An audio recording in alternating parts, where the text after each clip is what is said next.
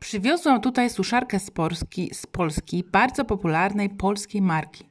Mam już ją od 11 lat. Kupiłam za pieniądze z prezentów weselnych. Jeszcze nigdy mnie nie zawiodła.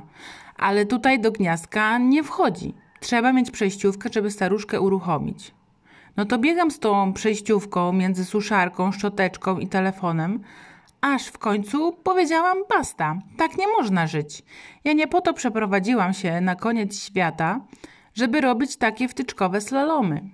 Wtedy na ratunek przybiegł mój MacGyver ze swoimi złotymi rączkami i mówi: Po prostu zmieńmy tą wtyczkę na australijską i pokrzyku. A ja się pytam, dlaczego nikt mi wcześniej tego nie powiedział? Okazało się, że wielu rzeczy mi nikt wcześniej nie powiedział. Na przykład o pakowaniu nikt mi nie powiedział.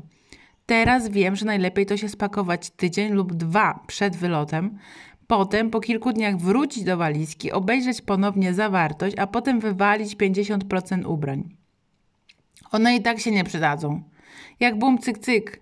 Mam już tak przez 30 lat i zawsze jest to samo.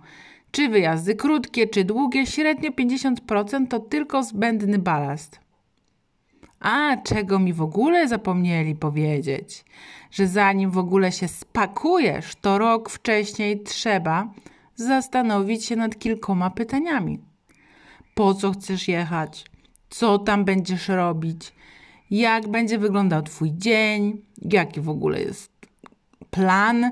Co chcesz osiągnąć? Z kim będziesz chodzić na Nordic Walking? Czy tam w ogóle jest Nordic Walking? Jest o wiele łatwiej, gdy znasz, gdy znasz odpowiedzi na te pytania, szczególnie o Nordic Walking.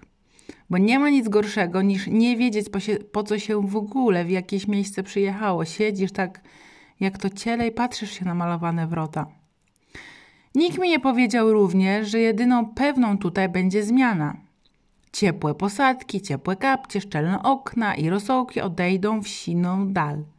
Zmiana mieszkań, zmiana pracy, Zmiana stawki, zmiany grafików, zmiana planów, wakacji, zmiana zdania pracodawcy, klienta, znajomych.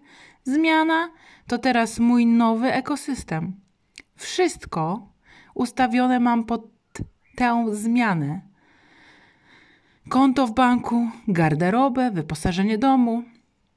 O, gdybym tylko wiedziała od początku. Czemu mi też nikt nie powiedział, żeby się nie wstydzić? Wstyd, wstyd powstrzymywał mnie przed wieloma pomysłami. Wstyd, że nie jestem stąd. Wstyd, że trzeba mi kilka razy powtórzyć i wytłumaczyć. Wstyd, że nie rozumiem tutejszego slangu. Wstyd, że mam jakiś dziwny akcent. Mógłby mi ktoś po prostu powiedzieć, żeby się nie bać. Iść po swoje, pytać do skutku, realizować bez odwracania się za siebie. Pomysł z suszarką był genialny. Działa do tej pory, a z kabla po starej lampie zrobiliśmy przedłużacz do ładowania telefonu. Wybaczam wszystkim tym, którzy mi o tym wszystkim nie powiedzieli.